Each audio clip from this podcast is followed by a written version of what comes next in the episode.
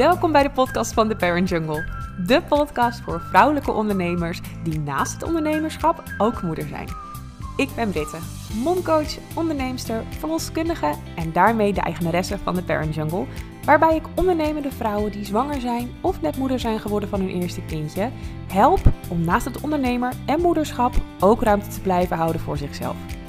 In deze podcast kun je mooie en eerlijke verhalen van mede-onderneemsters, interviews met interessante gasten en waardevolle inzichten en lessen uit mijn eigen ervaring verwachten. Heel veel luisterplezier! Goed dat je luistert naar deze tweede aflevering van de Parent Jungle podcast.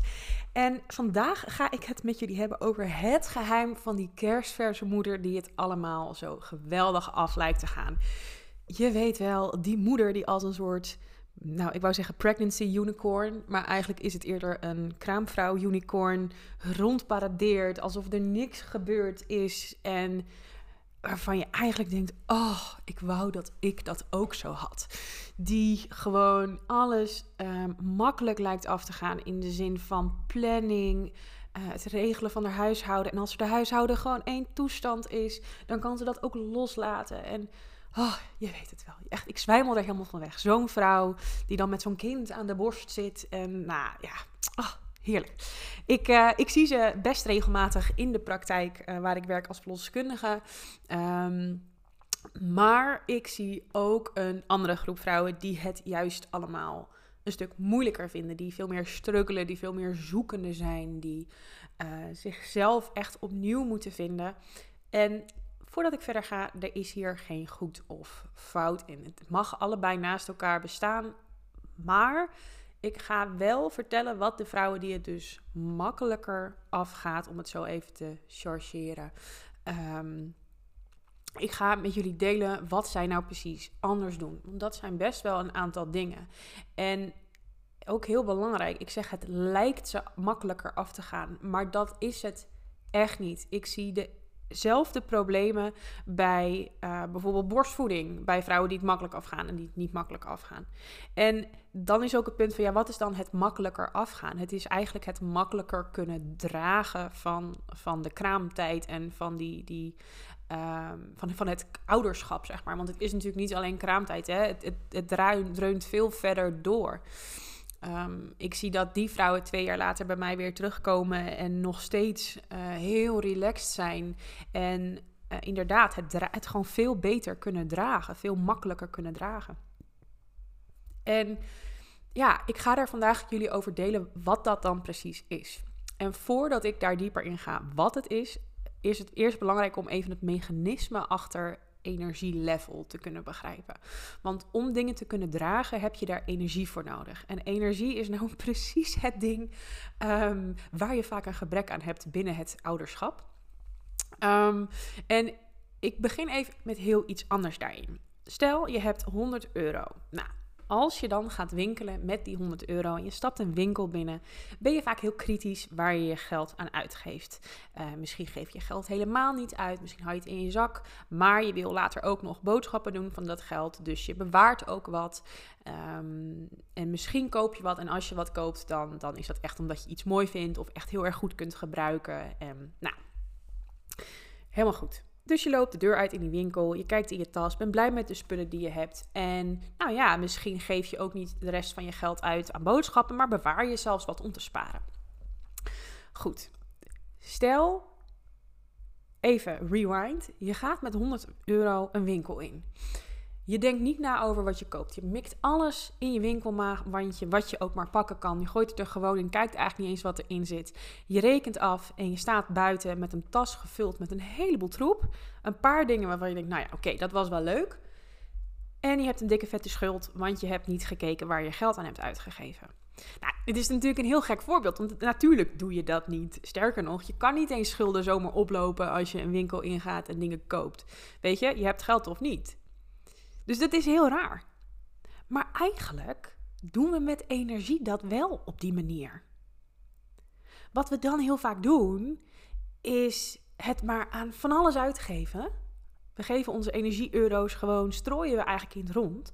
We weten soms ook niet eens goed wat er nou energievreters zijn.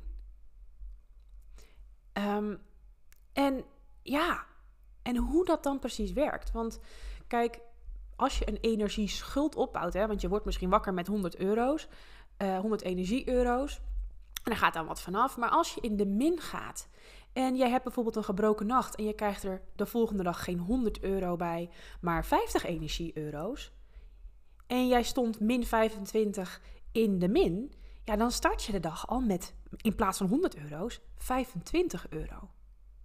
Ja, dan kun je veel minder uitgeven.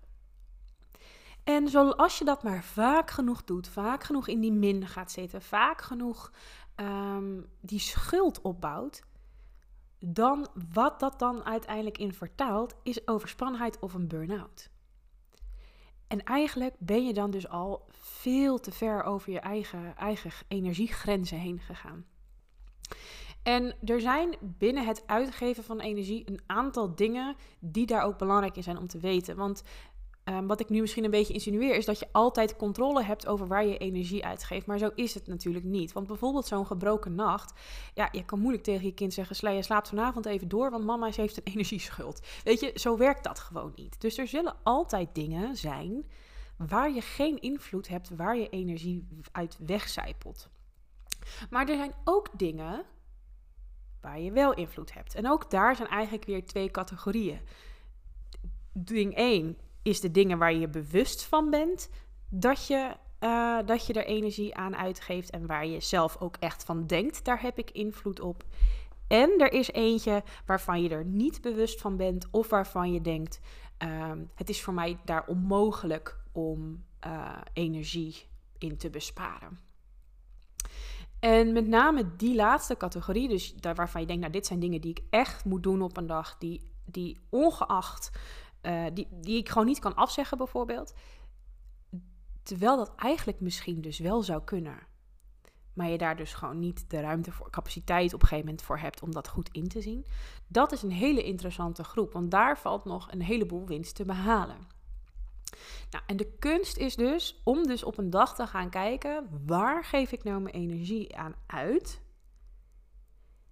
En welke van die dingen zijn gewoon waar ik niks aan kan doen? En welke dingen heb ik invloed op?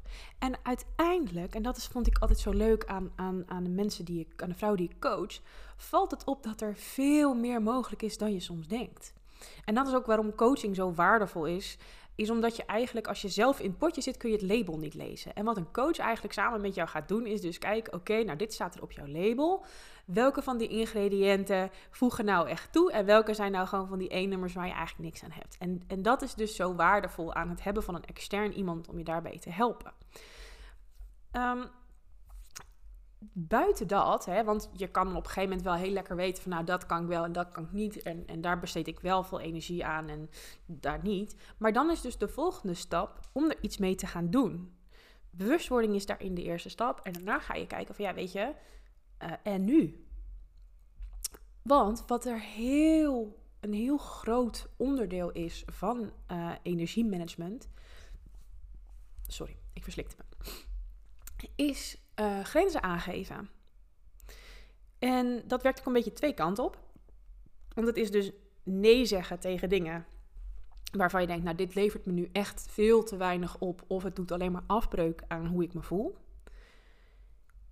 Daarbij is het ook nog heel erg belangrijk dat je je er niet schuldig over gaat voelen. Want dat gebeurt er heel vaak. Hè? Dan zeggen we eindelijk nee. En dan denk je er achteraf: oh, wat zal diegene wel niet van me vinden? Of oh jee, mag nou, zeg ik weer nee. Um, en ik doe al zo weinig. Of ik, ik help diegene al zo weinig. En dat kost dan vervolgens ook weer energie. Dus uiteindelijk, of je het wel of niet doet, ben je er alsnog energie aan kwijt. Dat heeft dus niet zoveel zin.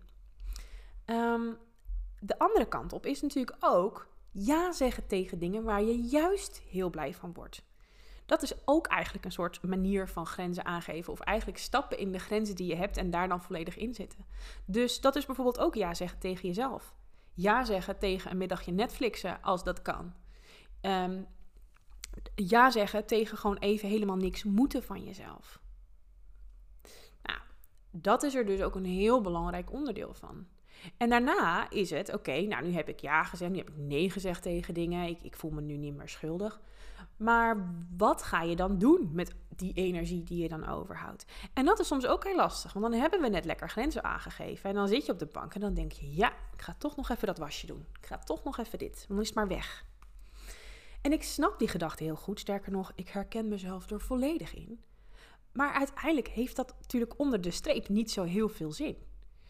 Dus het is heel erg de kunst om dan te gaan achterhalen van ja, weet je, wat ga ik dan doen? Wat kan ik dan nu gaan doen waardoor ik me beter voel, waardoor ik me misschien ons meer ontspannen voel of meer energie krijg of ehm, waardoor ik even wat minder druk op de ketel voel. Dat zijn de belangrijke dingen die die verschil maken.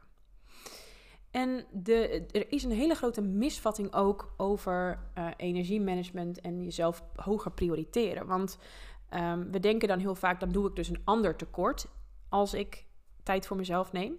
Uh, en een ander kan zijn je kind, je partner, um, familie, vrienden. Dat je die dus tekort doet omdat je ergens nee tegen zegt of dat je tijd voor jezelf neemt.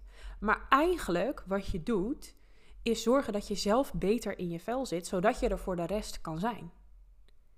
Ik bedoel, waar heeft jouw kind het meeste aan? Een moeder die lekker in de vel zit, die goed in de energie zit en uh, uh, in een driftbui rustig en, en kalm kan reageren?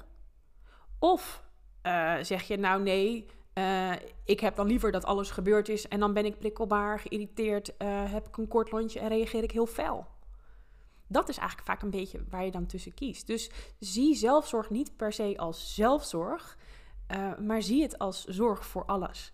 En ook in je bedrijf. Weet je, ook als ik over mezelf praat, ja, ik ben mijn bedrijf. Weet je, het, het, wordt, uh, het staat of, of, of, het staat door mij.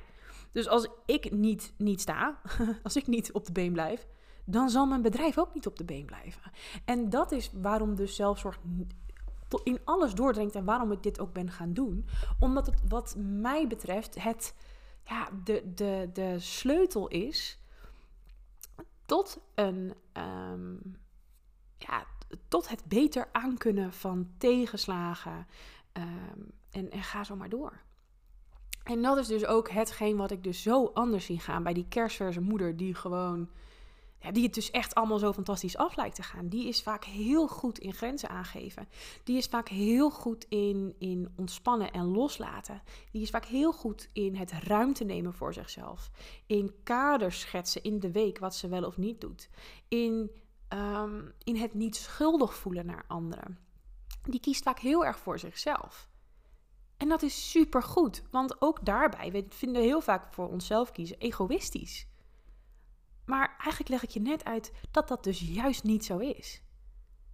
Het is niet egoïstisch om te zeggen, joh, ik heb behoefte daaraan. Dan zit ik weer beter in mijn vel. Ja, joh, ik denk dat als jouw partner moet kiezen tussen een geprikkelde versie van jezelf, maar bijvoorbeeld een, een opgeruimd huis, of een versie van jou dat het ontspannen is en nou, dan is maar een beetje een troep, dan kiest hij 9 van de 10 keer voor die tweede optie.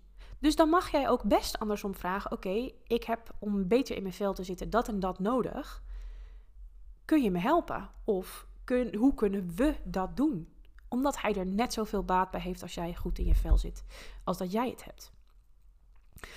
Nou goed, ik hoop dat je hier wat mee kunt. Stel dat je denkt van, ja, wauw, klinkt super. Ik kan ook wel wat hulp gebruiken, want ik vind dit gewoon moeilijk.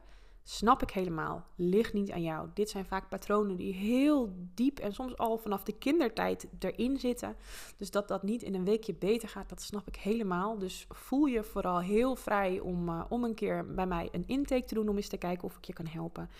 Um, en verder wil ik je weer onwijs bedanken voor het luisteren van deze podcast. Vond je het nou een mooie aflevering? Geef vooral even een uh, sterrenbeoordeling. Dat is voor jou uh, eh, 10 seconden max werk en doet mij gewoon heel veel plezier. Dankjewel en tot de volgende aflevering.